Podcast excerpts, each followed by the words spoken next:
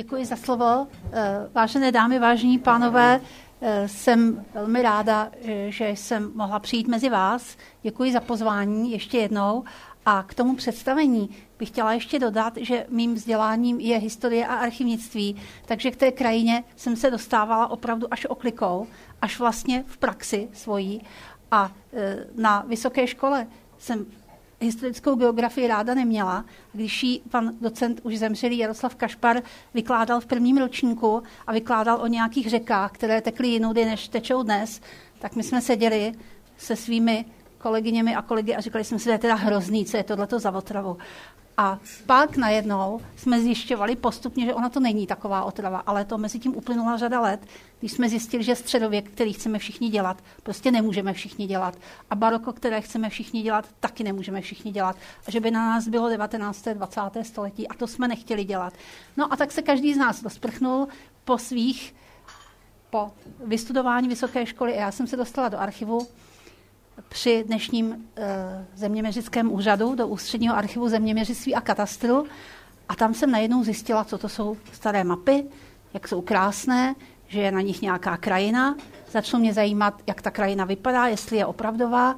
A když potom po nějakých letech byl vypsán konkurs do Historického ústavu Akademie věd, tak už jsem měla toho archivnictví dost a toho rovnání těch map a řekla jsem si, že to zase zkusím posunout někam jinam.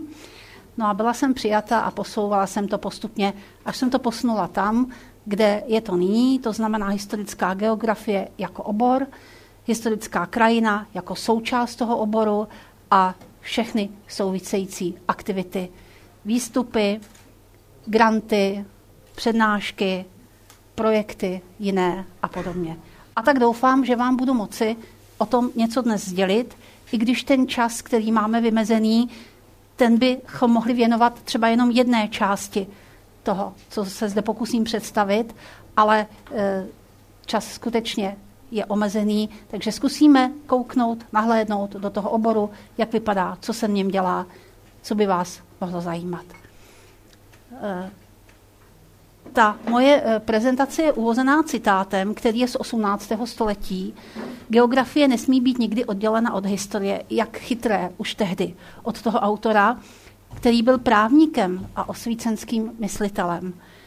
A v podstatě se historickou geografií nezabýval, protože tehdy žádná neexistovala, ale už tehdy vnímal ze svých zkušeností, že ty dva obory, z kterých se ten pojem historická geografie skládá, nějak spolu souvisí. A že když řekneme člověk, tak ten člověk nežije ve vzduchoprázdnu. Někde existuje, někde pracuje, někde žije, někde tvoří, někde umírá a ten prostor nějak vypadá. Všechny velké události dějepisné, které se odehrály v naší minulosti, tak se odehrály v nějakém prostoru. A my se začínáme ptát, jak vypadal ten prostor. Když pomineme všechny ty politické dějiny, hospodářské dějiny, kulturní dějiny, tak najednou zbývá čas. Říkám zbývá čas, protože ta historická geografie dříve eh, u nás v Československu bývalém nebyla zdaleka tak, nechci říct si populární, ale tak zajímavá a tak traktovaná, jako je nyní. A je to dobře, protože krajina, kde žijeme, má taky nějakou svoji minulost. A e, my bychom měli vědět aspoň trochu, jak ta minulost vypadala. Ne, že bychom se z toho měli poučit, protože zdaleka neplatí historie magistra víte, historie učitelka života, to prostě neplatí. I když je to přísloví, které všichni znají a které všichni říkají a myslí si, že se naši potomci poučí z toho, co děláme my. Vy jste se poučili z vašich rodičů, já ne teda. A že se společnost poučí z toho, jaké chyby udělala v minulosti, nepoučí, nepoučí. Takže e, nepoučíme se asi o tom, jaká ta krajina byla proto, abychom ji udělali lepší. Ale aspoň zlomkem bychom měli vědět, jaká byla, co kdyby to šlo, udělat ji lepší. Tak. E, je to tedy vědní obor. Je to vědní obor transdisciplinární, protože ty dva obory stěžejní historie a geografie, ty jsou jasné, ale když se potom začnete zabývat tou tematikou samotnou, tak zjistíte, že k něčemu potřebujete archeologii a jejich poznatky, k něčemu potřebujete kartografii, aby vám to na tu mapu nakreslili, pokud to neumíte sami, nebo aby vám to udělali elektronicky, tu mapu rekonstrukce té staré krajiny. K něčemu potřebujete zase jiné odborníky a tak se postupně ti zájemci pěkně na sebe nabalují ta historická geografie je vlastně takovým balíčkem oborů, metod oborů, pramenů neboli zdrojů, z kterých čerpáme. A ten veliký balíček eh, je mnohotvárný, je otevřený a je schopen přijímat podněty z mnoha dalších disciplín, ať už jsou to třeba environmentální dějiny, ekologie, historická ekologie, cokoliv prostě, co se té krajiny týká. Vztah společnosti a prostoru je jednoznačný. O tom už jsme si říkali. A je existence toho oboru tedy potřebná?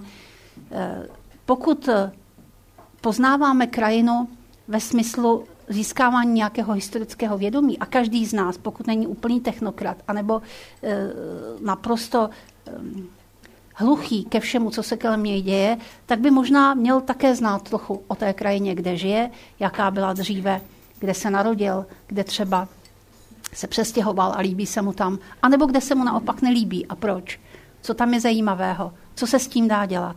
To poznávání těch minulých krajin patří k takovému rámcovému vědomí historickému, stejně tak, jako víme, že eh, nejznámější a nejslavnější panovník byl Karel IV.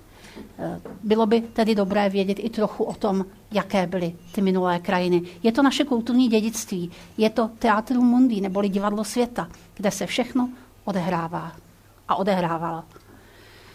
Eh, ten obor není jenom současný. Ten má nějakou svoji minulost. O tom bychom také tady mohli hovořit dlouho, ale to by vás nebavilo.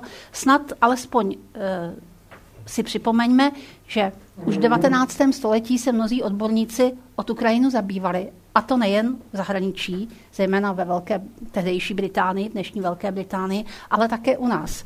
A podíváme-li se na otce historie Františka Palackého, tak ten už ve svých dějinách národu českého napsal příroda sama ukončivši a uspůsobivši Čechy co zvláštní celek, předustanovila tím hlavní ráz historie české. A když byste je začali číst, tak on tam má na několik stránek takový úvod, kterým popisuje tu krajinu, ty Čechy a Moravu, kde se potom odehrávají ty jeho dějiny. Čili on to věděl, on si to uvědomoval.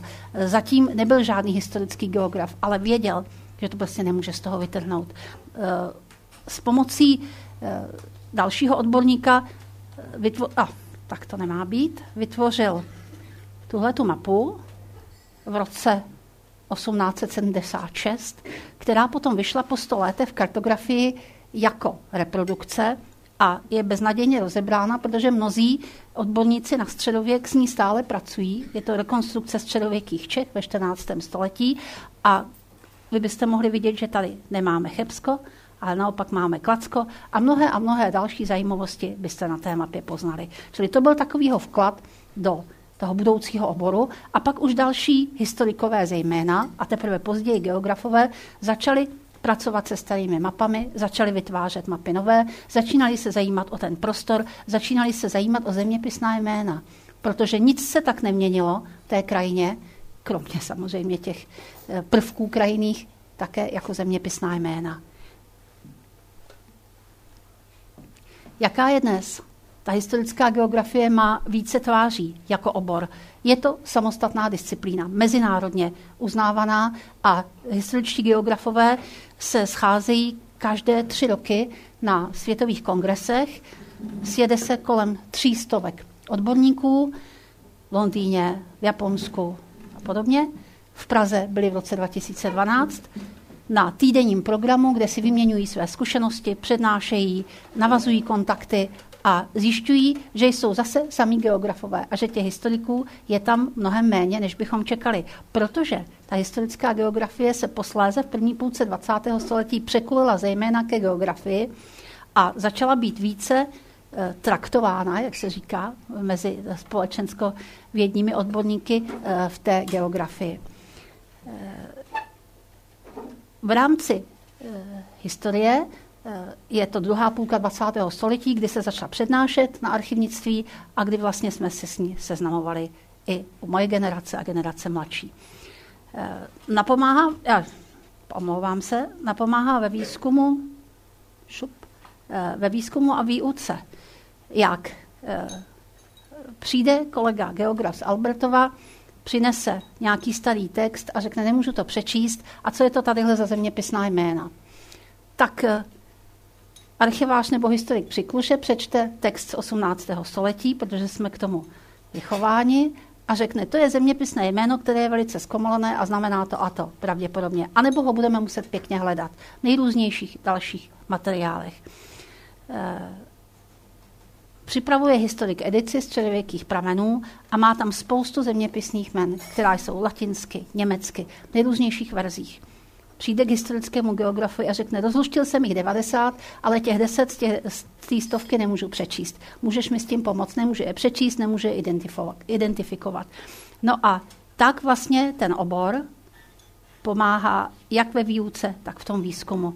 Ta aplikovaná historická geografie, to by měl být ten krásný bombonek, kdy by měli chodit ti investoři a říkat, ukažte nám tu starou krajinu, my tady něco postavíme a nechceme ji poškodit. Kde pak?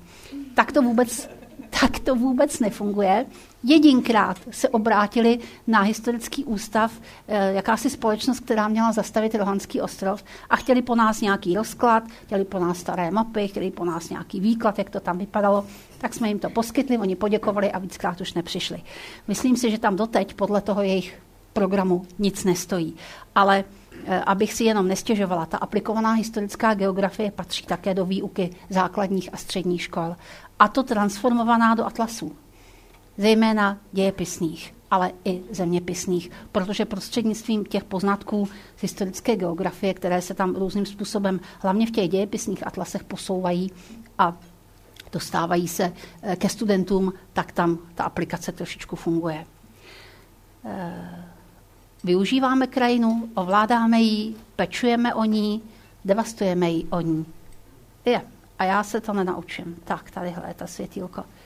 ČKD ve Vysočanech. Kdo zná, ví, o čem mluvím. Naprosto na rozpadnutí komplex budov, kde byla obrovská plocha zastavěná už od druhé půlky 19. století. Nikdo z nás netvrdí, že by tam měla zůstat ta továrna. Ale známe mnoho konverzí průmyslového dědictví a e, pěkně využitých Známe ale také prostory, kde bylo všechno zdemolováno a bylo tam postaveno něco nového.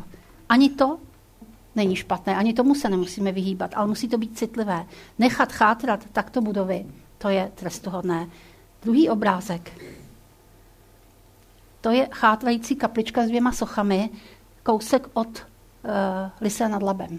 V bývalé barokní krajině hraběte Šporka, který tam měl celý komplex drobných staveb, altánky, vodotrysky, poustevnu, spoustevníky, které eh, dovolil, dovolili jim tam pěstovat zeleninu a běda, jak se ale nevěnovali poutníkům, když se nevěnovali poutníkům, protože tam kolem šla velká cesta z Prahy dál na Hradec Králové, tak je vyhodil a vzal si tam poustevníky nové.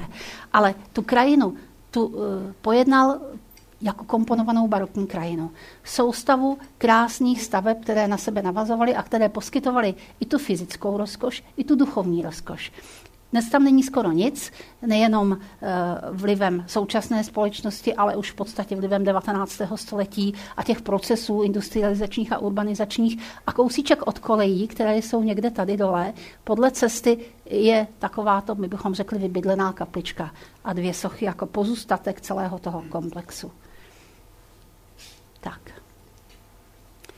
Eh, velmi se mi líbí ten Freudův citát, možná krajina, kterou máte na mysli, nikdy neexistovala a my jsme si o ní dělali jen iluze. Jaké krajiny on měl na mysli, psycholog, psychiatr? Asi měl na mysli ty krajiny, které vznikaly eh, v hlavách jeho pacientů. Ale my to můžeme vnímat také trochu jinak.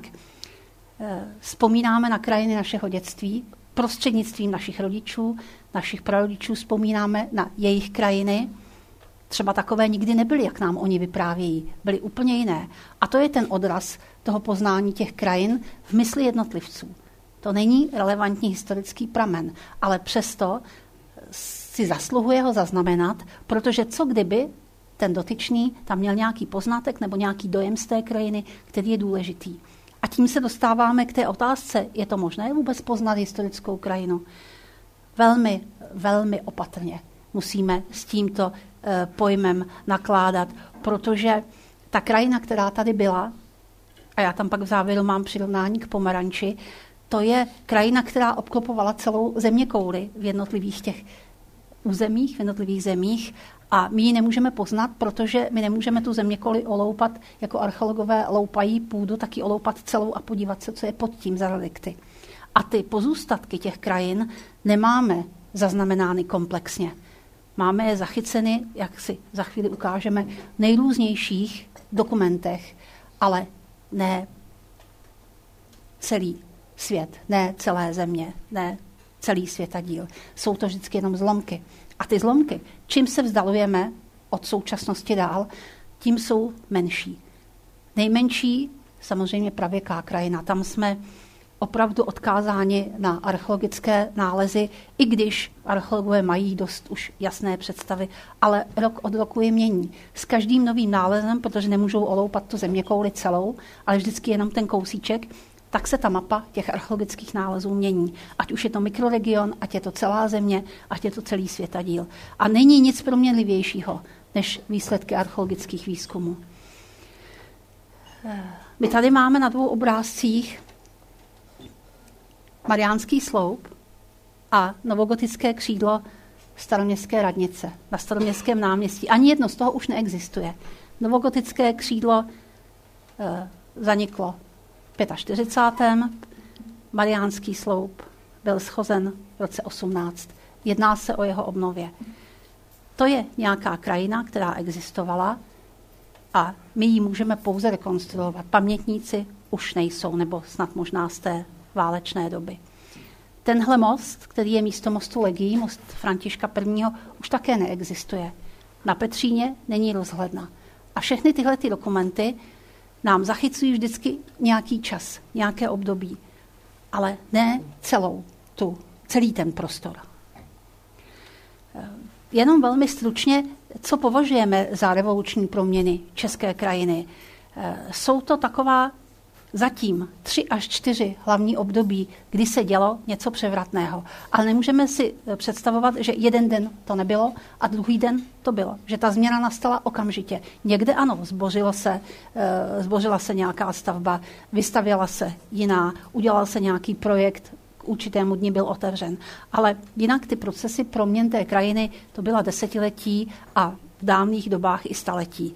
My tady jako hlavní takové revoluční zvraty máme několik období. Jednak je to 13. století, které je hodně, hodně vzdálené, ale oproti tomu období dřívějšímu lidé začínali eh, osídlovat nové oblasti, stoupat do výšek, protože ta půda, kterou osídlovali na nejnižších, nejníže položených územích, už jim nestačila. Eh, vznikala města. Dříve tady byly jenom vesnice, kláštery, hrady. Hornictví se soustředěvalo k hlavě a ke Kutné hoře a to všechno obrovským způsobem tu krajinu měnilo. Takže na konci 13. století tady stála krajina úplně jiná než eh, o století dříve. A zase byla nějakou dobu zakonzervovaná v těch hlavních zvratech. V podstatě až do novověku, až do té druhé poloviny 19. století, kdy sem přichází průmyslová revoluce, kdy průmysl proniká do té krajiny a na jedné konferenci o industriálním dědictví řekl přednášející, který byl z Manchesteru, že průmysl ale do krajiny vstoupil v tom 19. století, aby z ní zase odešel. Měl tím na mysli ty obrovské továrny, ty obrovské haly průmyslové, eh, jejíž pozůstatky ještě občas někde vydáme. Urbanizace, obrovský proces rozšiřování měst zcela mimo jejich původní eh, rozsah. Eh, ta industrializace ta trvá dodnes se vznikem satelitních městeček. Doprava. Železnice vpadla do krajiny v půlce 19. století obrovským tempem a rozpůlila české země na severovýchodní část a jihovýchodní část, protože ta severovýchodní a severozápadní, tam byl koncentrován průmysl. Kde byl průmysl, zahušťovala se železnice. Kde se zahušťovala železnice, vznikala nová průmyslová centra, kdežto ten jich, jeho západ, jeho východ byl spíše zemědělský. Po relativním období klidu tady máme druhou půlku 20. století. A teď se můžeme bavit o tom, co bylo prospěšné a co ne. A to je období, jímž se zatím historičtí geografové intenzivněji nezabývají. Eh, je potřeba, aby odezněla ta doba nějakým způsobem do minulosti, abychom mohli více kritičtěji pohlížet na to, co bylo, nebo naopak více objektivněji. Kolektivizace, obrovský zásah do krajiny, obrovský. A když pomineme ty politické záležitosti kolem toho, ta osobní, eh, ty osobní tragédie a tak, jak na to někdo pohlíží, kladně nebo negativně, tak v každém případě je tady nová krajina. A to nová krajina trvá. Eh, I když vznikají soukromé zemědělské farmy, tak už se nikdy ta půda nerozdrobila do takových malých polí, jako tomu bylo před kolektivizací. A když si vezmete letecké snímky a dáte si celou řadu těch leteckých snímků vedle sebe, tak to na tom uvidíte jako jednoznačný pramen.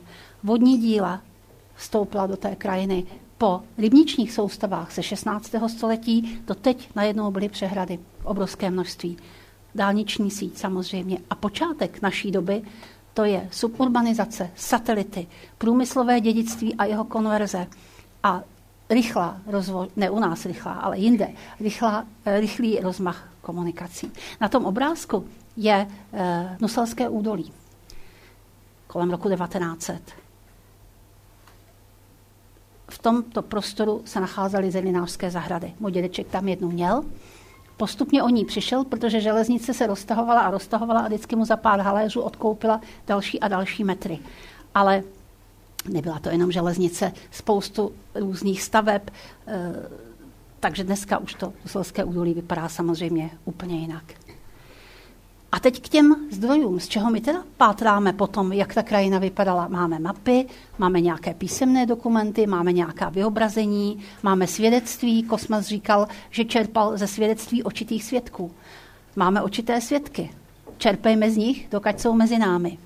Ale ty mapy ty jsou takovým opravdu základem. Nejsou to ale všechny mapy, mapy obrovské množství, tisíce. Jsou to takové mapy, které jsou natolik podrobné, že na nich můžeme najít určité krajinné prvky. A to krajinné prvky, které nás zajímají. Sídla, vodoteče, komunikace, zalesnění, relief a architekturu nejrůznějšího typu ať jsou to města opevněná, neopevněná, kapličky, kláštery, kostely nebo různé průmyslové aktivity později. Tohle je jedna z nejznámějších map Čech, Johana Krištofa Millera z roku 1720. Občas se myhne v televizi, když je nějaký rozhovor e, s některým politikem, tak e, jí má za zády pěkně vyvěšenou. Ta mapa je zhruba 3x3 metry, je složená z 25 takovýchhle dílečků a když je podlepená, tak vypadá velice sugestivně a v antikvariátu byste ji koupili asi za 160 tisíc. Tak, je to sběratelsky cená věc, ale naštěstí v nejrůznějších knihovnách a mapových sbírkách je jí dostatek, takže můžeme už i na internetu zpřístupněných, takže můžeme studovat tu krajinu počátkem 18. století v měřítku, které se podobá měřítkům současných autoatlasů. A to je důležité, protože všechny ty starší mapy jsou naprosto nepodrobné, přehledné, zkreslené. To je parergon, taková ozdoba, která se nachází v levém horním rohu té mapy a to je detail s Prahou, s tím klasickým obloukem vltavským a s tím původním jádrem historické Prahy. Tak, ne, teď takhle. Teď si projedeme jenom pár ukázek těch map, abychom Eh, mohli postoupit dále. Eh, co je nejúžasnějším eh, zdrojem pro krajinu střední Evropy, to jsou takzvaná vojenská mapování. Tady jsou od konce 18. století zhruba do druhé půlky 19. století zhotovena pro celou Habsburskou monarchii. Pro celou. Čili vy, když chcete se podívat, jak vypadalo nějaké městečko v Dolních Rakousích, nebo v dnešním Srbsku, nebo eh, někde poblíž Terstu, tak uh, si najdete jeden portál, který uh, teď z paměti neumím, ale je to prostě portál, kde jsou naskenenovány všechny tyto mapy celé Habsburské monarchie a tam si je můžete prohlížet. A co je na tom vidět? My tady, a ne, zase zpátky. My tady máme Kladno, na mapě z konce 18. století, které dneska známe úplně jinak. Průmyslové a už neprůmyslové vlastně město, které e, začalo svůj průmyslový rozvoj v 19. století. Tady je ta krajina ještě naprosto nedotčená, je tady spousta cestiček, je tu pěkně vyznačený relief a maličké podanské městečko, naprosto maličké. O sto let později už byste viděli, jak se do té krajiny rozšířila zástavba, jak tam vnikla železnice, jak jsou tam šachty naznačeny, jak je tam velké osídlení různě roztroušené. A takhle vlastně byste mohli posuzovat kterékoliv dvě lokality na celém území Habsburské monarchie. Stabilní katastr je také dalším takovým úžasným mapovým pramenem. Ten je ještě desetkrát podrobnější než ty mapy, které jsme viděli. Nemá sice relief, ale při některých studiích se bez něj obejdeme. Za to je úžasně podrobný a ta topografie uh, zástavby a uh, vodotečí a zeleně, ta je velmi strukturována a velmi podrobná. Krásně se na, na tom sledovat krajina, která je předprůmyslová. Já, když jsem pracovala v archivu před, po fakultě, tak tehdy nebyly žádné xeroxy, kde by se mohly dělat kopie na A1 těchto těch krásných map, nebyly digitální foťáky. Chodili tam architekti, rozprostřeli si pauzovací papír na tu starou mapu a pečlivě to obkreslovali rukou. Pak tam posílali studenty, ti studenti také obkreslovali a když jich bylo tolik, že posléze do těch map vydali čáry, tak šéf archivu se naštval a pořídil takové eh, průsvitné, eh, umělohmotné bych to nazvala, překryvy, které si vždycky položili na tu mapu a na tím překryvu, na tom teprve byl ten pauzák a teprve na tom kreslil ten student. Čili asi si dovedete představit, jak ta kopie vypadala a jak vypadaly ty mapy. A asi někdy z té doby se vžil takový ošklivý termín, že se badatelům, kteří chodí do archivu, říká badouši. Badouši zase přišli a zase budou otravovat. To byl takový běžný slogan, když jsme měli otvírací den a čekali jsme, kolik jich zase přijde a jak zase budou obkreslovat z těch map, tak tenhle ten stabilní katastr, ten byl prostě úplně maximálně oblíben právě pro tu podrobnost a přesnost relativní na tu dobu. No a některé mapy mají ještě dodatkový příběh, bychom mohli říci. Tady je e, mapa Petrova Radína a pod ním je obrázek bitvy, to je ten, a tady je mapa ta je potom samozřejmě ještě větší a tady je obrázek eh, z roku 1716, kde eh, rakouská vojska vyhrála nad Turky. Ten eh, autor té mapy v tom kartografickém dobovém nakladatelství musel vyzdobit tu mapu okouzlen tím vítězstvím, tak buď dostal příkaz nebo sám o sobě, vyzdobil tu mapu ještě tím dodatkovým příběhem, tím příběhem těch lidí. A to je to prolnutí těch lidí v té krajině, je tady krásně vidět. Eh, výtvarná díla, fotografie, vyobrazení všeho druhu, veduty, to jsou také nejrůznější eh, zdroje poznatku o krajině, ale musíme být velmi opatrní při jejich posuzování, protože velmi často tady hraje určitý subjektivní eh, postoj velkou roli ve zkreslení té krajiny. Středověk, jenský kodex, ten je na tom úplně nejhůř. Tam žádné skutečné krajiny nejsou. Máme tady vyobrazení středověkého města a hradu a šibenice. Hrad je tady. Tady je město s bránou a s cestou a tady je šibenice. Co nám to říká? E, nevíme, zda ten autor kreslil tento obrázek podle nějakého skutečného města. Spíše bychom řekli, že ne. Ale je to schrnutí všech symbolů, které středověké město v té době mělo. Pokud bylo dostatečně bohaté a dostatečně saturované právy, tak mělo hradby, mělo šibenici a mělo přístupovou cestu do toho opevnění. Čili to je spíše vyjádření symbolické, není to reálná krajina. Eh, letecký snímek ze 17. století mohl by být. Eh, obrovská veduta, z níž je toto jenom výřez, eh, Ouden ale nás z konce 17. století už nám velmi pěkně zachycuje krajinu. A co je důležité? Tady jsou hradby novoměstské, tady. V budoucnu bude Národní muzeum. Tady je koňský trh, dnešní Václavák. Tahle ta prázdná plocha, protkaná nejrůznějšími usedlostmi, to jsou budoucí Vinohrady a Žižkov. Tady dole je Nuselské údolí, které jsme měli předtím na tom jednom obrázku. Eh, prakticky věrná na tehdejší dobu, věrná, věrné vyobrazení té krajiny a díky za něj, protože tak můžeme porovnávat uliční síť, eh, charakter té krajiny. Zase není to zcela reálný obraz jako fotografie, ale je to typ veduty, s kterou už se dá pracovat. Daleko kvalitnější, potom Morštata znáte všichni, snad pro srovnání. Eh, partie za novým městem, ještě nezastavěné, prázdné. A tady Ludmila na Vinohradech, Vinohrady, Podárenská věž a další části Prahy, která tehdy neexistovala. Eh, letecké snímky jsou úžasné. Přinesla jsem vám eh, Hradec Králové na mapě stabilního katastru, kde je vlastně znázorněn jenom ten střed historický. Tohle všechno ostatně je prázdné. Proč? Byla tam pevnost a ten kartograf nesměl ty tvary té pevnosti podrobně zakreslit. Nakreslil jenom obrysy. Ten tvar té pevnosti a toho vnitřního města se obtiskl do toho současného půdorysu.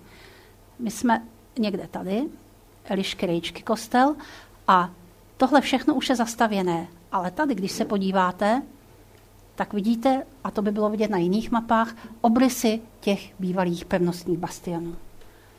Ta minulá krajina je tam obtisknuta do nového, eh, do soudobého Hradce Králové. S čím se také setkáváme v krajině? S výtvarnými díly. Nejenom krajina ve výtvarných dílech, ale výtvarná díla v krajině. Můžeme vzít takový morový sloup jako poděkování za to, že lidé přežili, nebo prozbu za to, aby už další mor nebyl. Typ takovýchto ozdob tehdejších náměstí větších i menších měst. Kladský landek, který tehdy patřil k českým zemím a současné výtvarné umění dotváří tu krajinu. Někdy povedeně, jindy méně. A my s ním musíme počítat, protože vy byste řekli, proč je tady eh, současné umělecké dílo, eh, když hovoříme o historických krajinách. Ale teď je současné, za 20, za 30, za 50 let to bude historická krajina. Možná tam to výtvarné dílo nebude. Gepardi v Trutnově, sochaře Michala Gabriela a zcela neznámá socha postavy, snad antické, zahrabaná podzem ve Viterbu na parku, který byl takový nekultivovaný, kde nebylo napsáno, kdo je autorem té sochy, k čemu to tam je. Bylo to za plotem. Já jsem nemohla odolat si to nevyfotografovat, protože když vám leží kamenná socha pod zemí v krajině, v určitém prostoru městském, tak si říkáte, a co tam dělá, proč tam je. Čili eh, poslední dobou sbírám v vozovkách takovéto fotografie, protože oni potom dávají dohromady celek současných lidí a jejich životního prostoru v krajině. Eh, ale to výtvarné umění je také trošičku posunuté. Může mít i politický podtext, kulturně historický podtext. Eh, grafity na hraniční zdi mezi Izraelem a Palestinou, vyfotografované s obavou, že mi někdo ten fotoaparát vytrhne z ruky, tak to bylo takové docela riskantní. Ale Lenonovu zeď znáte jistě, proč vznikla na kampě. A Hrabalova zeď v Praze v Lidmi o té možná moc lidí neví. Ale ta vznikla jako připomínka toho, že ač je tam mnoho prostor devastovaných, tak to dědictví Hrabalovo, ta jeho libeň, kterou on stvárnil v nejrůznějších svých pracích, tak by tam měla stále žít. Psaný dokumenty. O tom už jsme hovořili, eh, mohou být úřední, ty jsou více přesné, nebo eh, mohou být vyprávěcí, jsou to třeba průvodce, eh, zejména z 19. století, ve kterých se odráží život tehdejší společnosti z toho pohledu turistického. A vzpomínky. Setkáváme se často v médiích s termínem paměť krajiny a její duše. Co s tím? Patří to do výzkumu, do vědy? Nepatří to tam? Paměť krajiny je umělý termín. Vznikl před nějakými 20 lety. E, znamená v podstatě to, že v té krajině současné zůstávají nějaké relikty krajin minulých, a to v různé intenzitě. Buď jsou to relikty velmi malé, z určitého období, anebo relikty velmi intenzivní. A ty tvoří potom tu paměť té krajiny. Ta krajina si to z pohledu člověka pamatuje. Ale pokud my to nezaznamenáme, jako historičtí geografové nebo jiní odborníci, tak ta paměť se vytrácí. Stejně tak, jako v naší hlavě se vytrácejí vzpomínky. Eh, co krajina a její duše? Eh, jsou místa spjatá s určitým geniem mocí, s pověstmi, s mýty.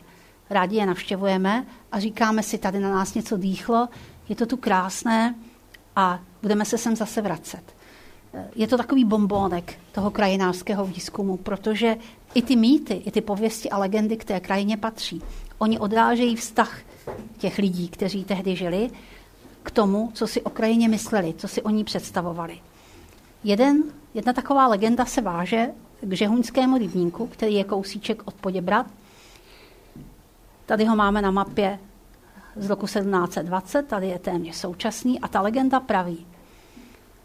Čert se chtěl usadit v krajině u Poděbrat, ale protože byla moc mokrá, tak začal hrabat kopitem a vyhrabal velikou jámu. Do té jámy natekla voda a vznikl žehuňský rybník. Teď ale nevěděl, co má udělat s tou hlínou a tak navršil dva kopce a vznikl vrch Oškobrch. Ve skutečnosti žehuňský rybník vznikl v rámci e, nových rybničních soustav na konci 15. století na Poděbradsku. Ale ta legenda je krásná, je zaznamenána, ta se vyprávěla. Čili i to patří k historické geografii. Ale nesmí s tím pracovat jako se skutečností, pochopitelně. Průvodce jsou e, úžasné prameny. Dozvídáte se tam, jakou máte naštívit hospůdku v tom městě, eh, kde jsou nejlepší výlety, kam dojdete pěšky, kde jsou nejlepší vyhlídky. A když si třeba takové informace z průvodců promítnete do mapy, tak tam uvidíte, kolik takových vyhlídek ti průvodci avizovali, kam se v Praze dá jít. Chodkovy sady, Strahovské zahrady, na Nebozízek, na promenádu na hradbách, po nich se dalo chodit, byla tam zeleň, lidé si tam odpočívali, povídali. Eh, I to je odraz eh, krajiny v určitém vidění toho autora. A autoři průvodců Prahy z 19. století to byli žurnalisté, spisovatelé, většinou eh, lidé, kteří byli velmi vnímaví a velmi citlivě se jich ta krajina dotýkala. Potřebovali to zaznamenat. Tak, teď už pár sond těch rekonstrukcí, těch historických krajin. Když historický geograf studuje a chce si udělat nějaký, nějakou sondu o historické krajině, kterou si vybere, tak musí probrat nejprve všechny ty e, doklady, které se dochovaly. Z těchto dokladů si udělá e, nějaký soubor, který analyzuje. A pak tu analýzu musí vyložit neboli interpretovat. Ta interpretace může být textová a může být eh, formou rekonstrukčních map. Příklad právě těch rybničních soustav je ten, je, a to já se to nenaučím, je tento. E, máme tady dvě rekonstrukce, konec 18. století a současný stav a dominuje tady obrovská vodní plocha a to je rybník Blato, nebo takhle Bláto, na starých mapách Blato Víze, potom po vypuštění. Ten rybník e, východně od Poděbrat byl velký skoro jako Rožmberg, nebo jako svět. Byl obrovským rybníkem, Vysušen byl na konci 18. století, protože v tehdejší e, době se vysoušela řada rybničních soustav, byla potřeba nová zemědělská půda. A dnešní stav té krajiny bez těch rybníků, bez těch vodotečí je takto prázdný. Na tom spodním, na těch spodních dvou obrázcích jsou dva modely počítačové ze, právě z těch vojenských mapování, které jste zde už viděli. Viděli jste na nich kladno. A na těch modelech je vidět ten rybník, blato, právě podle mapy z konce 18. století z druhé půlky 19. kdy už byl vysušen. Už tu plochu vysušenou eh, protkly různé komunikace a na prostředku, místě toho ostrůvku, zůstala osada, která je tam dodnes a kde jsou nějaké hospodářské budovy. Eh, žádná sídla prostoru toho rybníka vybudována nebyla. Je to eh, velmi zajímavý úsek krajiny nedaleko od Prahy.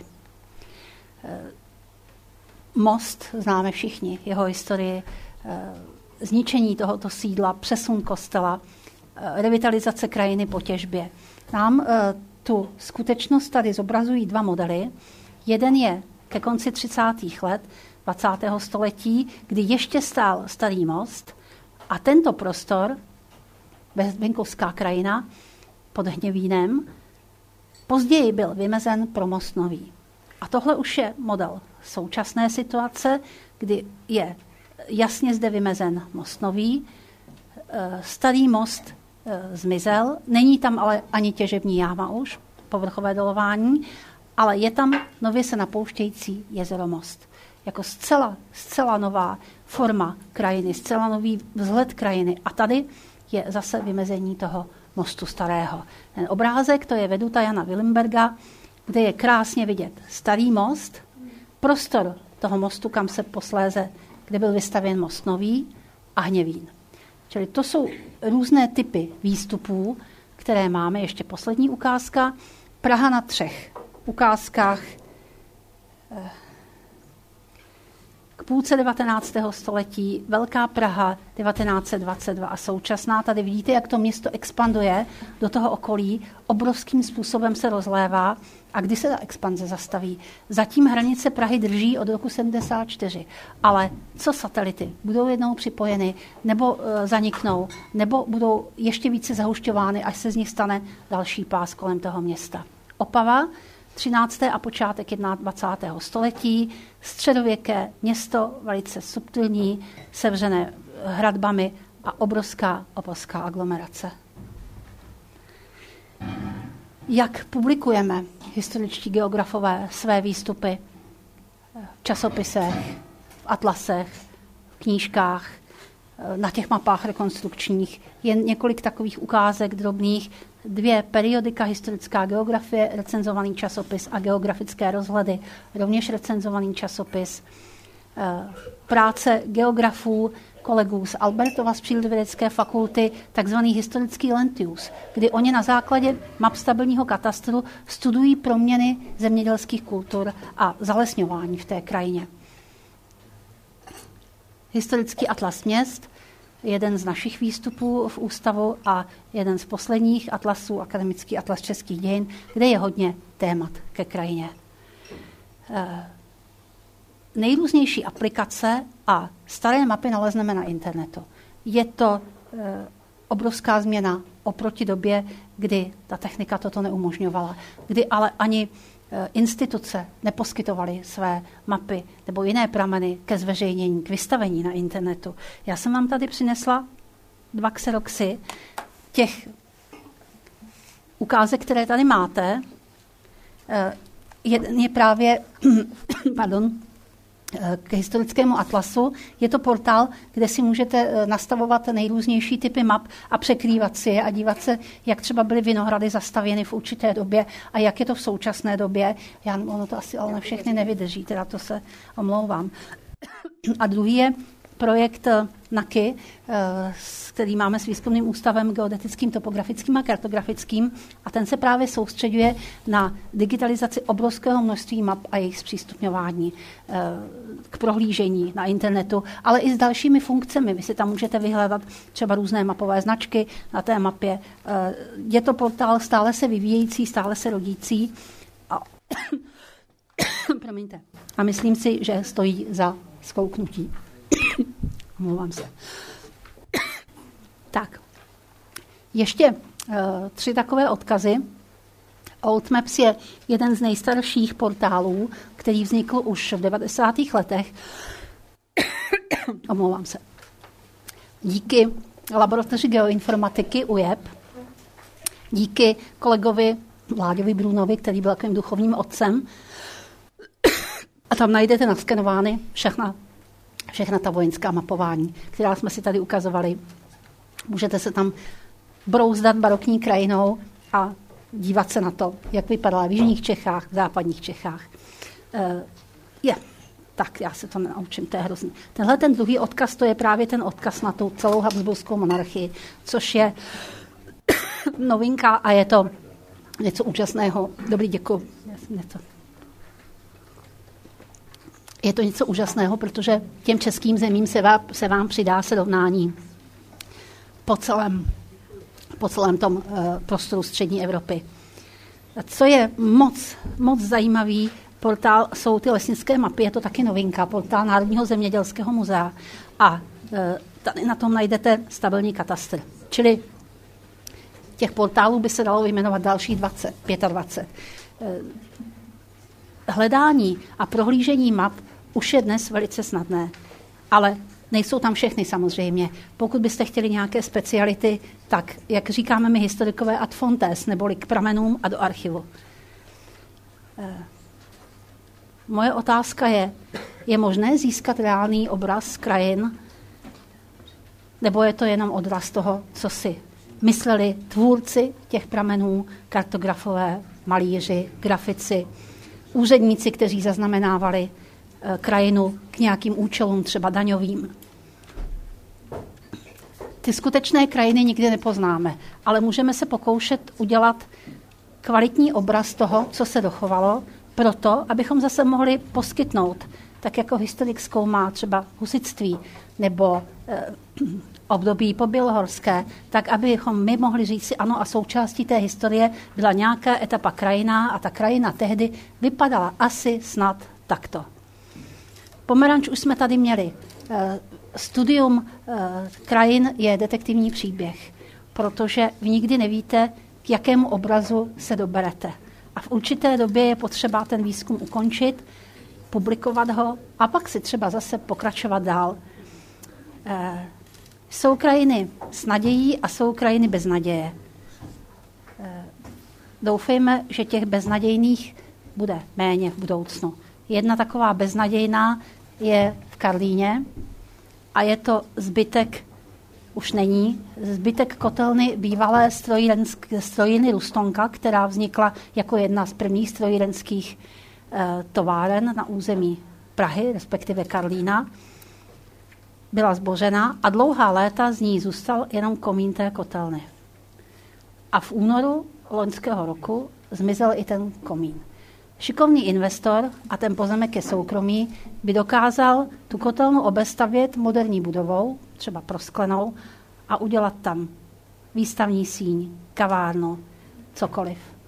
Ale šikovných investorů je málo. Byl šikovný investor ten, kdo postavil Orlickou přehradu? Co myslíte? Až Dějákovský most? Děkuji.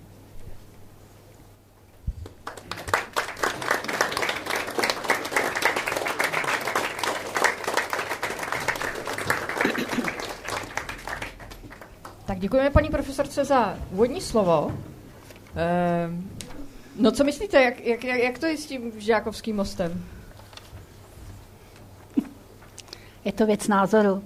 Každý může mít na to názor jiný. V dnešní době je Orlík centrem, Orlická přehrada druhého bydlení a rekreace. Už je studováno druhé bydlení, také geografie na Albertově jako fenomén chataření, chalupaření. A to nejen e, český a moravský a sleský, ale i třeba rakouský. Při Dunaji najdete chatky na dlouhých kůlech, které jsou jistě 50-60 let staré. A druhé bydlení je historicko-geografický pojem. Čili eh, minimálně nám Orlická přehrada skýtá jedno téma pro historickou geografii, ale pro mnohé je to pěkná část krajiny, jiní se nemohou srovnat s tím, že údolí Vltavské zaniklo. Pokud ta krajina není vysloveně poškozena a funguje pro současnou společnost, tak si myslím, že ji asi můžeme akceptovat. Ale je to věc každého z nás. Děkujeme. A teď už je prostor pro vaše dotazy, tak jak jsem o tom na začátku hovořila, že se nemusíte bát eh, zeptat eh, eh, na cokoliv, co s tématem souvisí. Je to tak. A jak jsem taky hlásila, tak my, stejně tak jako máme nahráno úvodní slovo paní profesorky, tak si nahráváme i tu debatu, abychom, abychom vždycky měli otázku a odpověď a abychom tak zachytili tu zdejší atmosféru. Takže k položení dotazu je zapotřebí tento mikrofon, který, který je na kabelu, tudíž vás poprosím o takovou technickou spolupráci, že máte-li dotaz, tak se přihlaste. My k vám se pokusíme ten mikrofon nějakým způsobem šikovně dopravit, tak vás poprosím, když tak si ho nějak vzájemně pošleme. A pokud byste se ptali hodně, hodně, hodně z dálky, tak když na nás ten dotaz zakřičíte, tak, tak já ho zopakuju do mikrofonu, abychom ho zkrátka měli zaznamenaný. Tak to jenom dopředu děkuji za takovou technickou spolupráci. A teď už se ptám, kdo má první dotaz. Prosím, rukou nahoru. No tak než, než, než, než vy si dotaz rozmyslíte, tak mám dotaz já, pokud jsem viděla správně. Tak tam už se hlásí první Prv, první ruce. Tak vás jenom poprosím, jestli byste mohli trošku se probra, prodrat sem k nám. Eh, tak. Dobrý den, já jsem se chtěla zeptat, vlastně tady jsme viděli, jak se teda ta, jak tady se zkoumáte, jak se ta krajina teda vyvíjí a mě by zajímalo, jestli jsou z toho nějaký poznatky jakoby do dneška. Vy jste sice na začátku říkala, že nemůžeme soudit, že jak, jak se to vyvíjelo, ale stejně by z hmm. toho asi nějaké hmm. výstupy být mohly, něco, co bychom mohli upotřebit, jestli se lidem lepší žije v určitý, co samozřejmě tak dobře asi v nížinách a tak, ale jestli jsou prostě z toho existují nějaký výstupy, hmm. co by se mohli využít my teďka. Eh, já, já vlastně tady. Možná bychom za takové důležité výstupy mohli považovat naučné stezky, protože eh, každá naučná stezka má v sobě trochu historické geografie, nebo téměř každá. Eh, je tam obvykle geneze té krajiny a eh, pokud tam jsou nějaká sídla, tak geneze i těch sídel, jak se ta krajina proměnila, jestli tam byl mlín, zda z něj zbyly nějaké pozůstatky, čili naučné stezky zcela určitě. Potom regionální historie, každý region si zakládá na své historii, ať už je to region malý, město, obec a její nejbližší okolí, nebo region velikosti třeba bývalého okresu, nebo region větší. A k tomu vznikají nejrůznější publikace, které také pracují s historicko-geografickými poznatky a ty jdou dál k veřejnosti. Více než naše práce výzkumné. Čili to je také aplikovaný výzkum. Nejenom učebnice, atlasy, ale e, regionální dějiny, publikace, časopisy, články v časopisech k regionálním dějinám a třeba ty naučné stezky.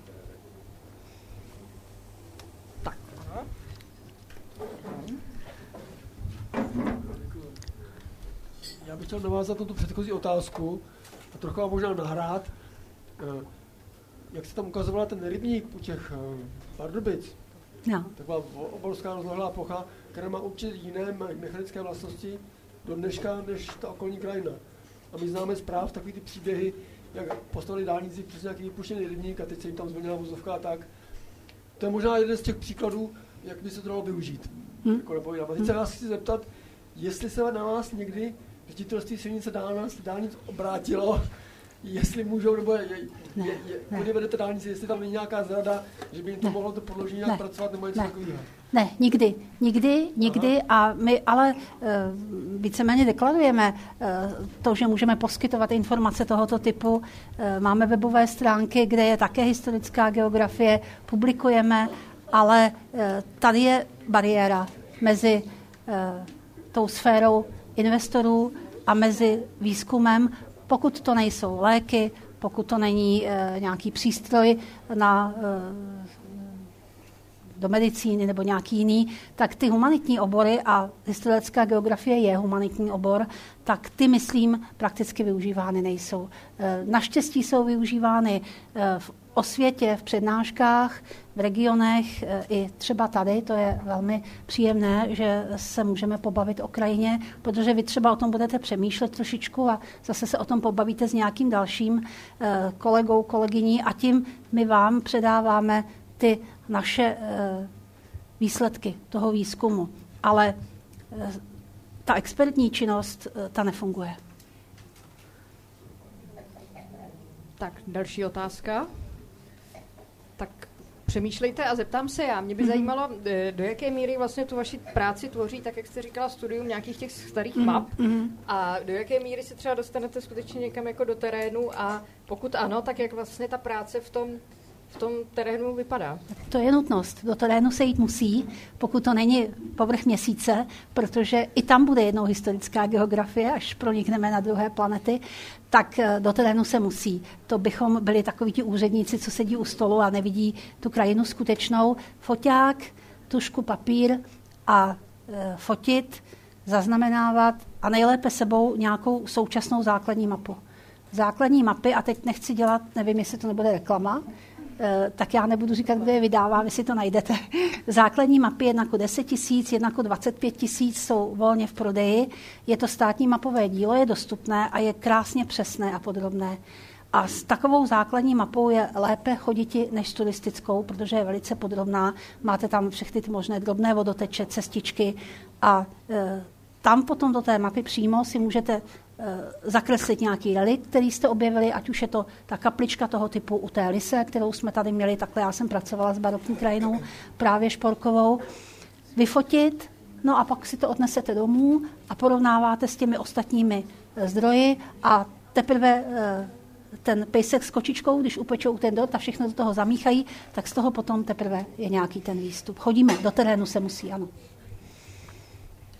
A jak taková výprava vypadá? To e, vás je třeba pět a tam nějak jste se hraní a jak, jak to vlastně v praxi vypadá? Záleží na tom, kdo má jaké téma. E, když e, jsem se zabývala, a ještě se zabývám kladskou krajinou, tak jsem přemluvila mého kolegu, vzali jsme služební auto, které tedy jsme zaplatili z grantových prostředků, tak, a jeli jsme do Klacka a on si tam běhal po svých zájmech, vždycky jsme se někde vypustili z toho auta a já jsem si běhala po svých.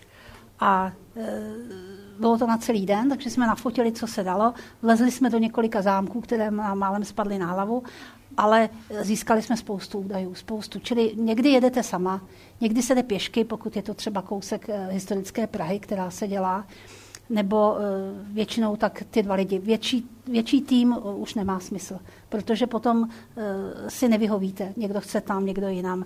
Pokud ten tým celý by dělal určitou krajinu, to je spíše otázka geografů, třeba kolegů z Albertova, ti jsou takový tandem. My jsme spíš solitéři, historikové a, a humanitní věci, takže na tyhle ty věci spíš chodíme si sami. Tak.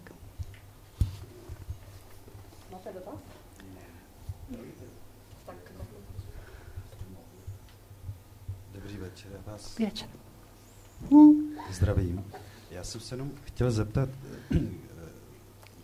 že já s některým věcem občas nerozumím. Mm-hmm. Když jdete krajinou a podrážkama bot nebo, nebo sandálu nebo tak, jako se dotýkáte jako toho podloží, jestli máte pocit, že na vás, že se vás krajina dotýká, protože jinak si to nedovedu představit, než když se třeba prodírám houš, houštím, tak na mě krajina nesahá, ale já se dotýkám jí.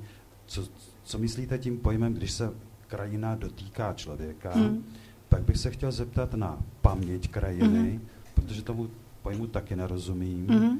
A potom ještě mě je strašně nejasný eh, takový ten vy jste říkal něco jako duše kamene, nebo... Duše krajiny. Duše ano, krajiny, ano. což já si představím duše stromu, duše kamene, já taky, duše ano, potoka, tak. duše raka, Dobře. duše čehokoliv. Mm-hmm, dobře. Tak kdybyste mě mohla tyhle ty tři jednoduchý... Já to zkusím, když zkusit. Eh, zapomenu něco, tak Děkuju. mě připomeňte. Eh, mně se krajina dotýká spíše očima. Já potřebuji vnímat, vidět. Vidět západ slunce, vidět eh, zelenou louku, ten hmat nemusím. No, ale ona se dotýká mě před prostřednictvím toho zraku, přicházejí ty věmy a já si je ukládám sama v sobě. Pak můžu mít fotografii, ale já mám ještě ten věm. A tím se ta krajina dotýká mě. Pak si sahám na strom, to se ale zase dotýkám já jí. Aha. Prosím? Vy uh, interagujete s krajinou i sama, a zároveň sama se sebou, ale krajina s vámi neinteraguje. Ne. Takže se vás nedotýká. Jako ano, já, já, já se to snažím pochopit, jako jak to myslíte. Já, to já spíš se snažím pochopit, jak vy to historii, myslíte. Já jsem historii nestudoval, tak já no, nevím. Třeba... Uh, to je ale na přemýšlení opravdu, jak se mě dotýká krajina. Mně se spíš takhle. Jeden eh, dojem, a to nebyla živá krajina, která se mě dotkla. Před řadou let jsem byla ve státním oblastním archivu v Třeboni podívat se na mapy rybníků ze 16. století. A byly tam čtyři takové velice cené, oni mi je přinesli do té badatelny, ošklivému badouši a rozložili mi je tam a já jsem viděla, ty mapy byly kreslené ručně, byly ručně kolorované.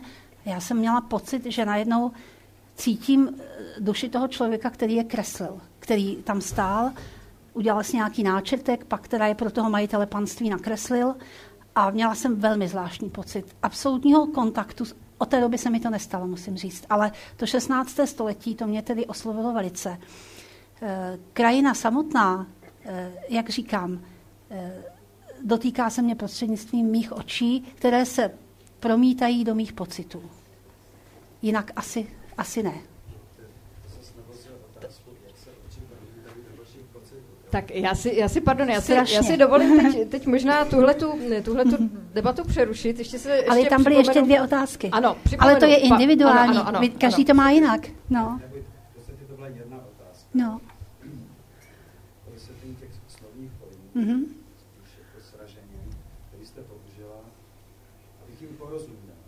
Ano, my, my to Já, víme a máme jedno, paměti, jedno ještě, paměti, tu paměť, paměť a jedno krajiny, ještě ano. dopovím. Když jdete tou krajinou a najednou máte pocit, že je vám úžasně krásně, právě proto, že vidíte to, co vidíte, tak tam mám pocit, že se mi ta krajina dotkla. Lépe už to asi neumím vysvětlit.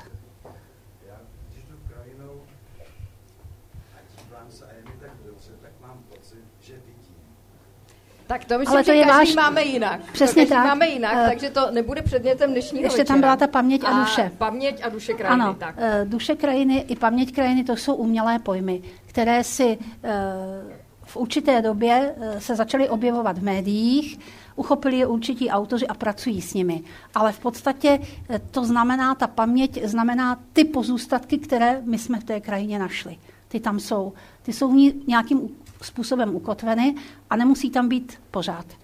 Eh, ta duše, to je, když přijdete třeba do Vambeřic a vidíte tam eh, věřící, kteří jdou do Kalvárie nebo jdou do toho kostela, eh, máte pocit určitého genialocí, protože tam od toho 12. 13. století ta legenda o zázračném uzdravení zraku Jana Zratna, tak ta tam zakotvila ta se tam usadila. Eh, jeden majitel panství v 17. století eh, tu krajinu eh, sformoval různými stavbami podle biblického Jeruzaléma a ona má nějakou image. Je to komponovaná krajina, ale není to duše, tak jak ji vnímáme jako lidskou duši. Je to přenesený pojem. Ve skutečnosti ta krajina, podle mého názoru, je skutečně soubor přírodních prvků, který ovlivnil člověk, sáhl do nich a prostřednictvím našeho cítění a našeho vnímání. A už jeden německý autor napsal na 18. století knihu, jak vnímáme krásy krajiny. Tak eh, to vnímání naše, to je ta duše. Tak, ale může si to každý vysvětlovat jinak samozřejmě. Není to technický termín večer. Já bych chtěla poděkovat za moc zajímavou přednášku. Děkuju. A chtěla bych se vás zeptat, trošku to navazuje na to, co, o čem jste teď mluvila, jestli vy máte třeba v Čechách přímo nebo i možná někde v zahraničí mm-hmm. nějaký konkrétní místo, kde si myslíte, že třeba člověk opravdu na tu mm-hmm. krajinu zapůsobil jakoby v té historii tak, že ji buď třeba výrazně vylepšil, anebo třeba Aha. i výrazně zhoršil, jestli to pro vás Spoustu. má silnější význam, tak to nějaké ano. vaše osobně oblíbené ano. nebo něco zajímavého, co vás ano. napadne, tak to vlastně, kde ten člověk opravdu to ovlivnil hodně tu krajinu. Děkuju. Krajiny mého srdce by se to dalo nazvat. To je Bretaň.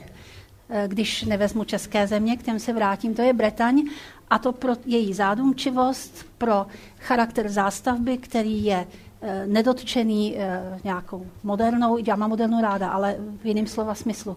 Eh, tam, když investor staví rodinný dům, tak ho postaví v charakteru těch britaňských staveb s těmi dvěma komíny ve štítech a s tím střešním krytem, s těmi vikýři, ale vevnitř má úplně moderní domeček. A ten ráz, krajinný ráz, říkáme tomu, ten se tam uchovává. Jsou to majáky, je to dorážející moře, Bretaň je moje a tady v českých zemích je to krajina mého dětství, která ale už se změnila. To je, jsou Ladovy Hrusice a Rybník opodál, eh, kam když jsem nedávno přijela, tak eh, jsem se divila, co tam všechno je nového, ale v srdci ji mám stále jako krajinu dětství. A Praha, já jsem Pražák. Hm.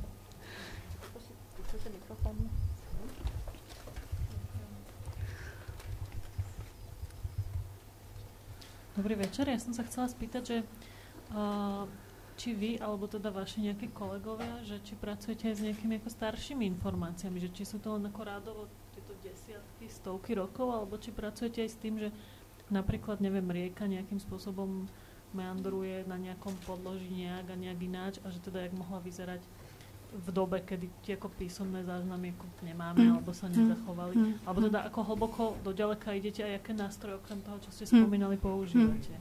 Uh, jestli dobře odpovím, když tak uh, se znovu ptejte. Uh, snad s nejstaršími doklady pracujeme tedy se středověkými listinami a různými i hospodářskými účty, berní účty se to jmenovalo na panstvích, kde jsou třeba nejrůznější záznamy, které můžeme dát do mapy, kde byla ta Ataves, jaký, jaká tam byla tehdejší výroba. A co je zajímavým pramenem je Kosmova kronika česká, když si vezmete vydání Kosmovy kroniky jako edici, třeba ať už z roku 73 nebo tu mladší, tak je tam zeměpisný rejstřík. A ten zeměpisný rejstřík je e, obsahem toho, co ten kosmas znal a jaká ta jména do té kroniky uvedl. A když si ho promítnete do mapy, a taková mapa je v tom atlasu akademickém, tak najednou se vám otevře ten horizont toho středověkého člověka.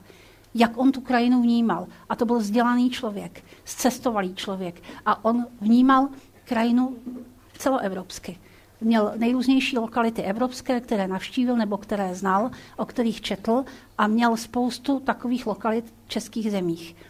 Ale eh, když bychom si vzali středověkého člověka eh, poddaného z nějaké vsi, tak ten měl ten horizont naprosto zúžený. Pouze kolem té své vsi, maximálně do vsi druhé do nejbližšího lesa, který mu byl obživou, ale kterého se třeba také i bál. Čili no, jsou ty geografické horizonty lidí v různé době různé, ať už e, ty horizonty se měnily poznáváním nových krajin, anebo e, zařazením do sociální vrstvy. Protože e, člověk toho vzdělání a toho postavení jako kronikář Kosmas měl daleko širší geografický horizont než nějaký jeho vrstevník z podhradí.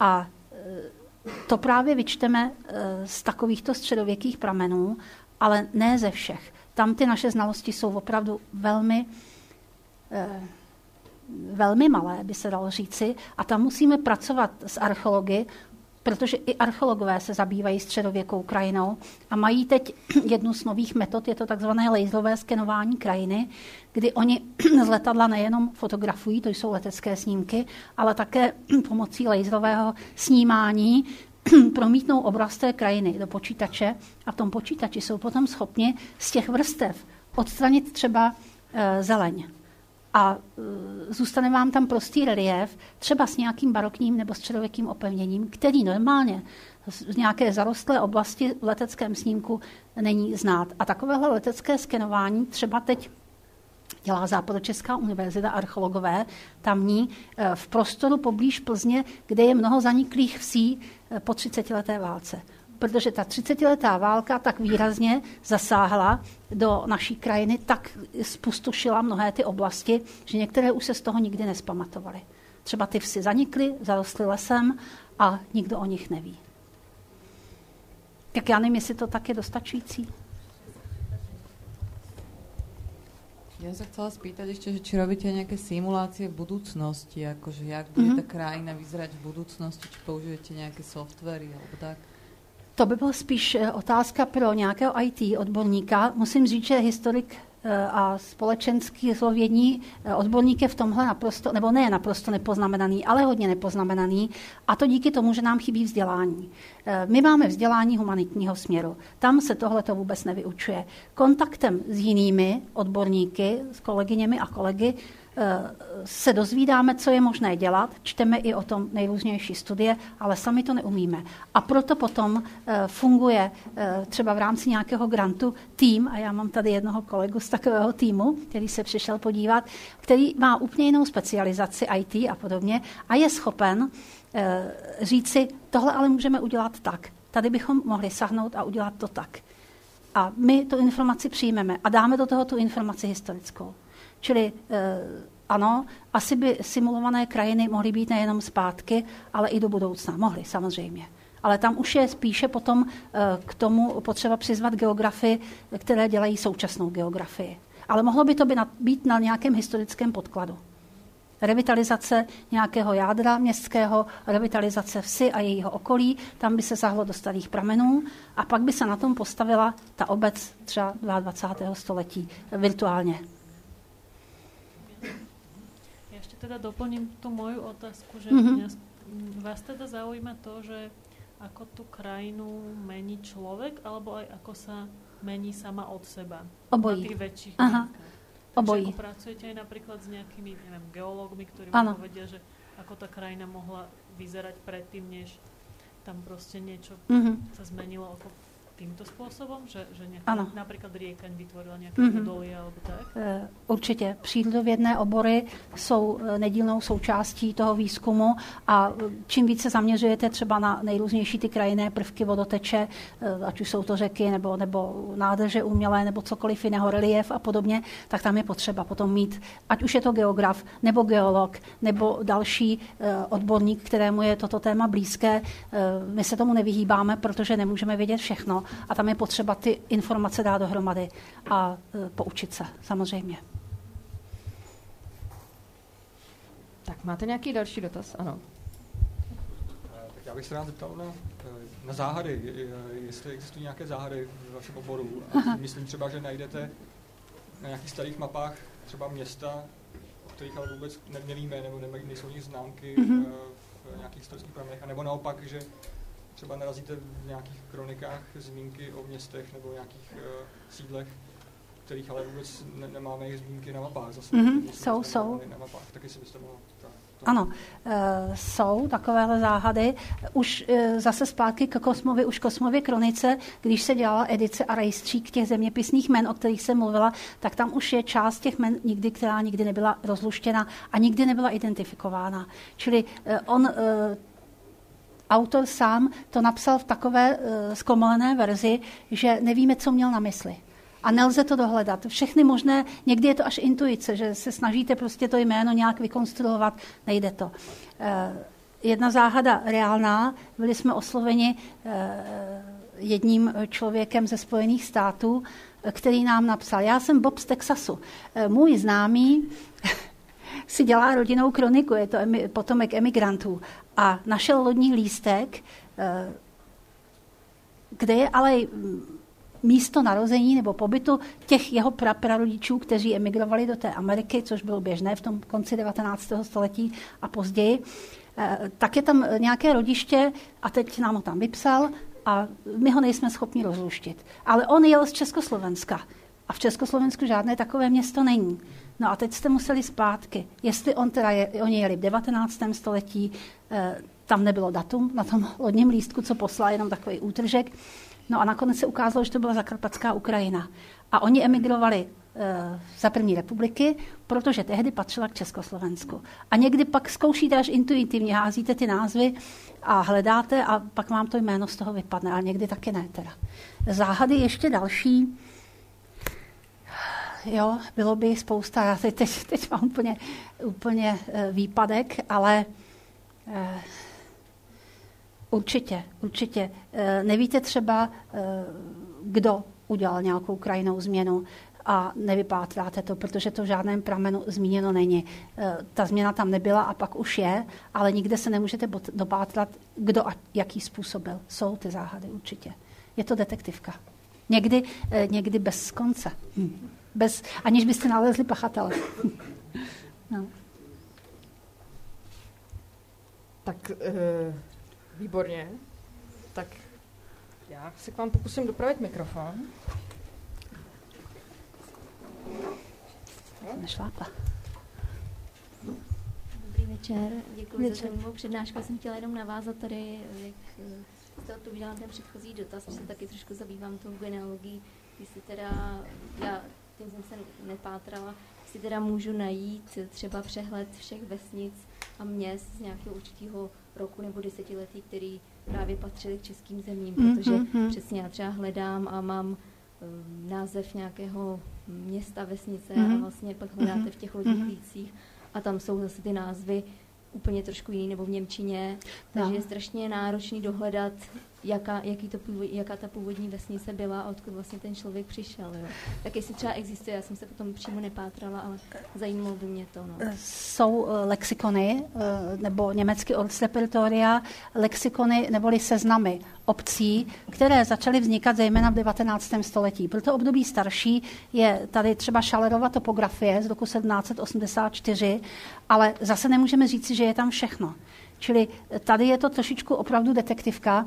Pokud víte alespoň e, kraj nebo ještě menší území, kde by se ta lokalita mohla vyskytovat, tak pak to musíte skombinovat. Zkusit ten lexikon, zkusit nějaké dobové mapy, e, podrobnější, pokud se dostáváte ale už pod matritky do nějakého 16. 15. století, tak tam je to hodně špatné. Tam je to hodně špatné. E, nejlepší, e, tak to 18. samozřejmě 19. století, ale co je starší, tak s tím je problém a může se začít s těmi lexikony, i když jsou mladší. Ale většinou tam ta lokalita, e, pokud existovala po celou tu dobu, až třeba do toho 19. století, tak tam nějakém tom zkomoleném výrazu je. Ale je to i, i zkoušet. Nebylo to náhodou bo na začátku, nemohlo to být jiné písmenko. Tady e, není žádná metoda, která by vás jasně dovedla k určitému cíli. Je to jako když ten kriminalista sbírá ty důkazy a teď mu tam pořád nějaký článeček chybí. Takhle já jsem pátala po svých předcích z manželovy strany a e, když jsem e, na základě rodných listů se dostala do konce 18. století a konečně zpřístupnili matriky na internetu, tak jsem jásala a říkala jsem si, tak teď nemusím do archivu a půjdu si do těch matrik hezky doma teple počítače. Načež tam bylo matriky Kamenice nad Lipou, schořely 1783 a bylo hotovo. Jo? A už nemáte nic prostě. No.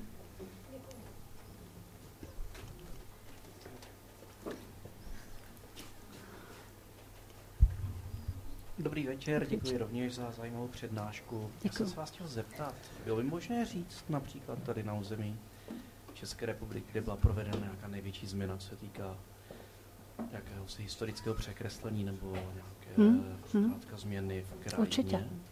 Děkuji. Určitě.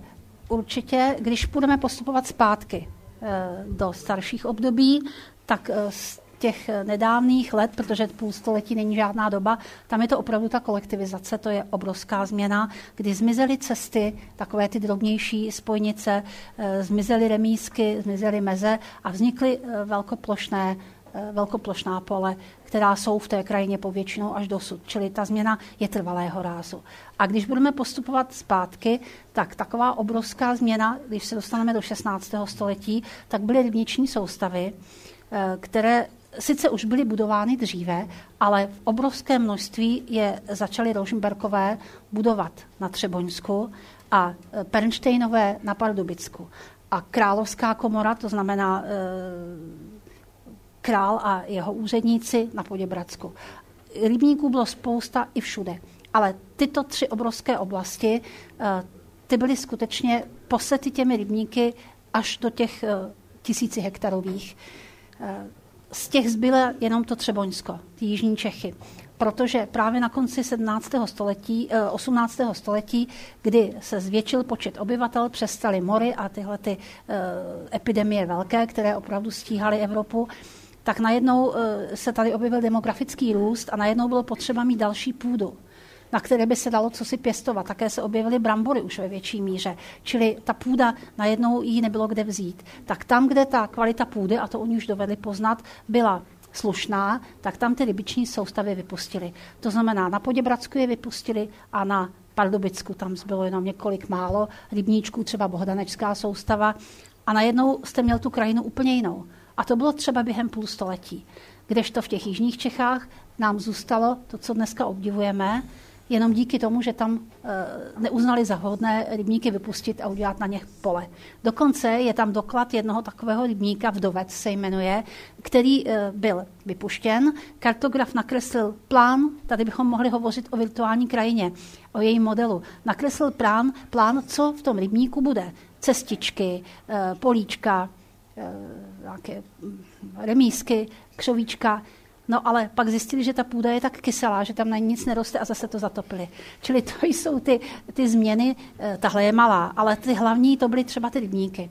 Pak ta dílčí změna veliká, to je teda samozřejmě podkrušnohoří a těžba, eh, záležitost 20. Eh, století. Tam se těžilo ale už na konci 19. a těžilo se šachtami hlubinými. A existují takové záznamy, kdy anketě Rady zemědělské pro království České bylo napsáno, že těžaři, kteří tam opustí ty šachty pod Krušnohoří, mají tu krajinu, my bychom řekli moderním slovem, rekultivovat.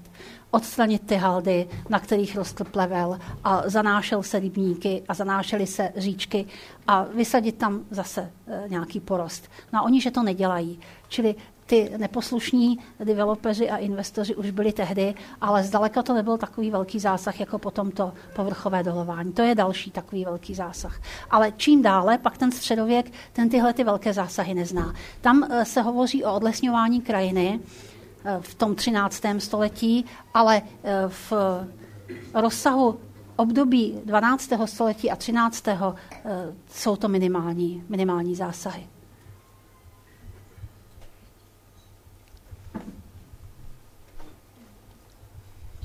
Chtěla zeptat, jak jste říkala, že nějaké mapy jsou vykoupeny, dneska jsou k dispozici na internetu. Ano. Můžu já si teda zakoupit třeba nějakou mapu, řekněme, z roku 18? Eh, jak kde, ano. Eh, třeba eh, stabilní katastr, který je na portálu Ústředního archivu zeměměřictví a katastru, tak ten můžete prohlížet, ale zároveň tam máte internetový obchod, kde si můžete tu mapu zakoupit já nevím, jestli to můžu říkat, není to reklama, jedna mapa stojí 25 korun, ale speciálně ten stabilní katastr jiné jsou třeba dražší.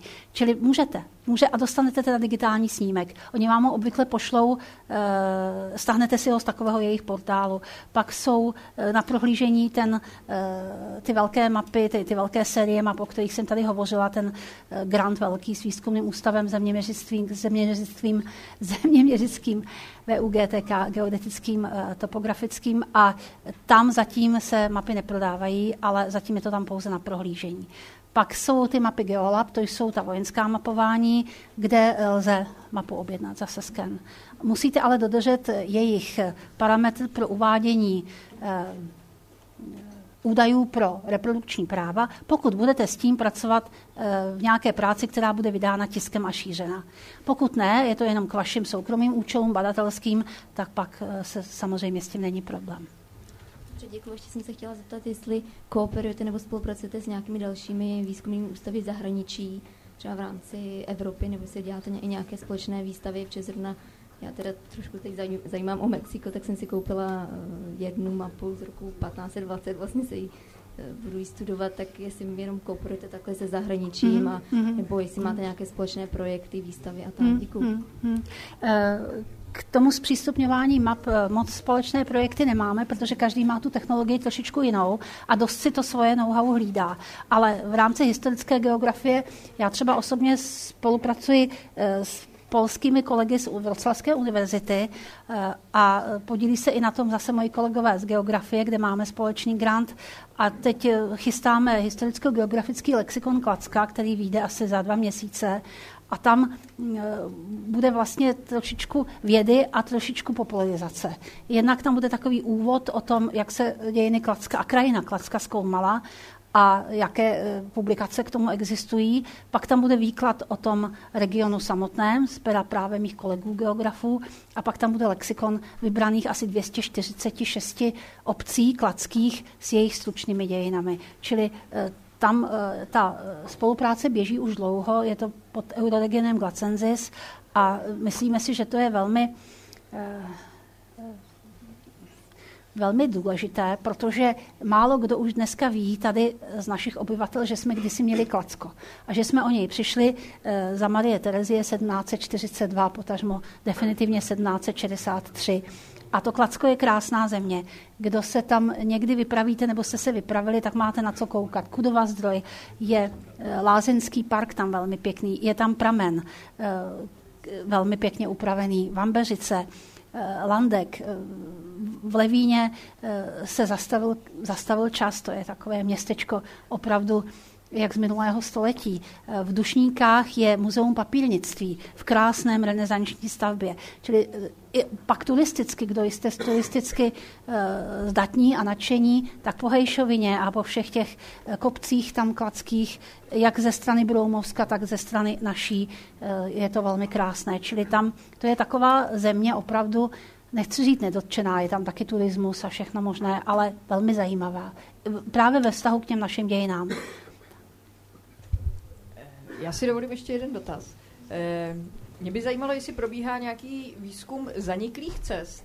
Mm-hmm. Eh, protože jsem nějaký systematický výzkum, protože jsem slyšela, že vlastně eh, cesta je krajný prvek, který tam no. přetrvává jakoby dlouhé no to dlouhá desetiletí nebo staletí, tak vlastně, nebo ano. nějaké pozůstatky potom, ano. se dá určit tady před ano. 200 lety vedla cesta, tak. třeba, ale už, už, se ne, už se nepoužívá, tak, tak jak uh, takhle je. Cesty jsou historikova a historického geografa noční můra historické cesty, protože uh, ty jsou tak variabilní, uh, že říci, ano, tady od vesnice k vesnici jsme měli zemskou stezku v desátém století, to prostě vůbec nejde.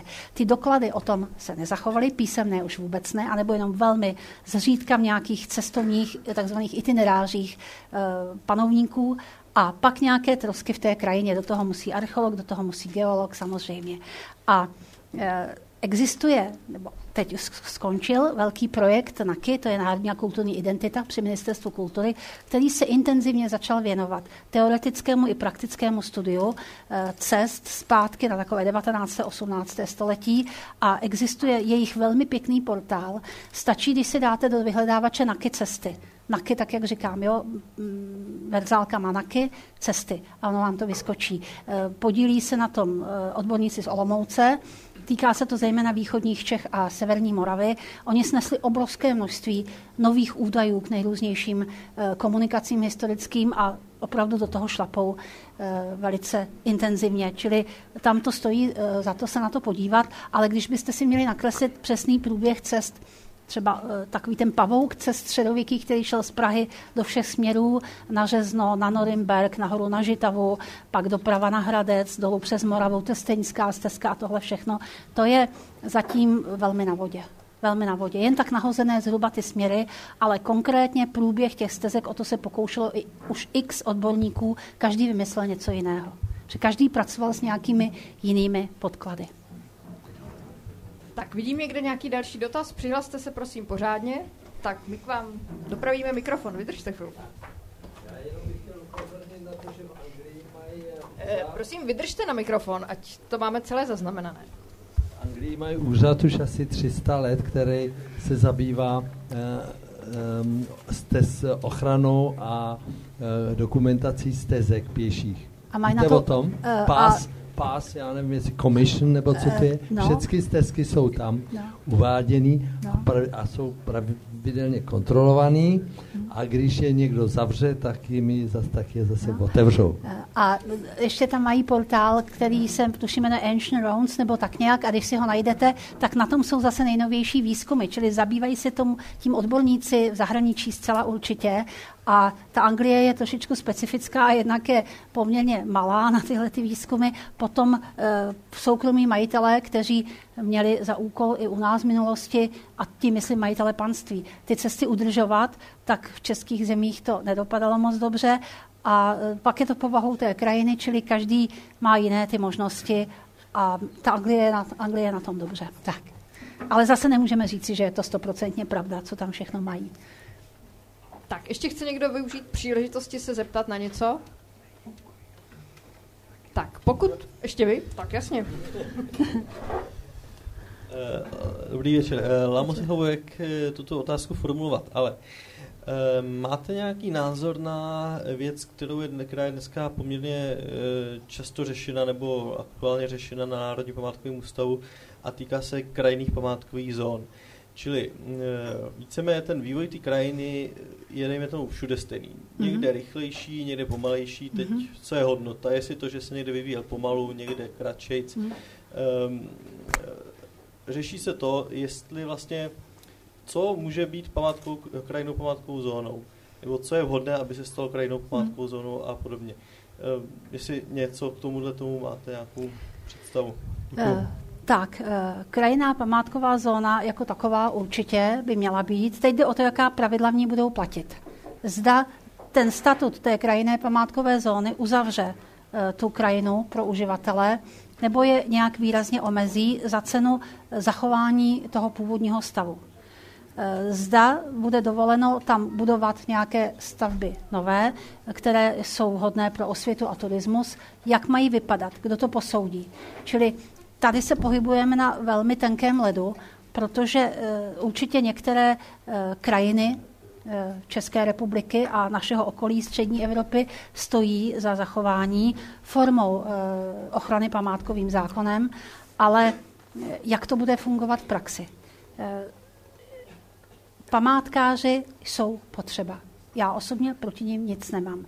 Ale nelíbí se mi, když trvají na určitých eh, svých názorech, jak a co v městské, třeba památkové zóně udržet a do čeho se nesmí zasahovat. Nebo i ve vesnické. Příklad. Mám známou bývalou paní ředitelku vlastivědného muzea ve Slaném. A tam je příslušný skanzen Třebízy. Součástí toho skanzenu jsou dva krásné statky barokního, e, respektive selského baroka, čili 19. století. Kdykoliv jsem se s ní viděla, tak e, plakala e, želví slzy, že nemůže s těmi statky nic dělat, protože oni jí nedovolí použít sanační omítku. Dovolí jí po, památkáři, dovolí jí použít vápenou omítku, kterou, když ona ošetří tím tu stavbu, tak do roka je všechno dole, protože ty budovy nejsou podřezány, nejsou izolovány, jsou v prostoru, kde je vlhko, ta voda vzlíná a to zdivo se drobí a omítka opadává. Tady si myslím, že by mělo být trošku to vyrovnáno. Ty nároky památkářů a současné technologie, ale vyrovnáno ve prospěch uchování těch staveb. A tím mám na mysli i vyrovnání ve smyslu uchování krajinných zón. Cit a rozum, ten je potřeba tam vložit do toho. Tak, to byla hezká slova na závěr. Ještě dotaz. Dobře, tak poslední dotaz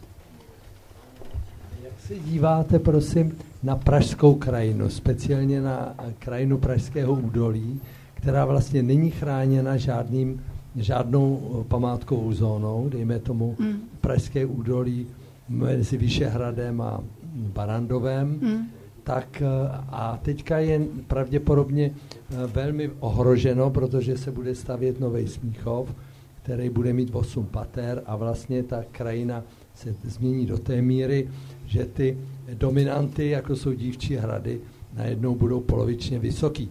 A e, tyhle ty věci památkáři absolutně neznají, nerespektují a nerespektuje je ani zpráva města. Takže to jsou takové věci, s kterými se velmi těžko bojuje. Děkuji. E, já se obávám, že velmi často do toho vstupují lobby podnikatelské, že i památkáři mají snahu uchovat to, které území Eh, městská část má snahu, alespoň část městské části, nepovolit eh, nějaké eh, stavby, které naruší ten krajinný ráz, ale nechci to říct si tak natvrdo, jsme jenom lidé a tak to chodilo a chodí. Vždycky si protlačí své slovo ten, který zaplatí. Tak, čili tady můžeme mít jakékoliv ideje, ale v určitých vrstvách z naší společnosti, ne všude, prosím vás, já nechci vůbec všechny házet do jednoho pytle, ale v určitých společenstvích panuje slovo peněz nad rozumem a citem v určité krajině. Děkujeme za vaši přednášku i odpovědi na všechny otázky. Paní profesorka Eva Semotánová, děkujeme. Já děkuji vám.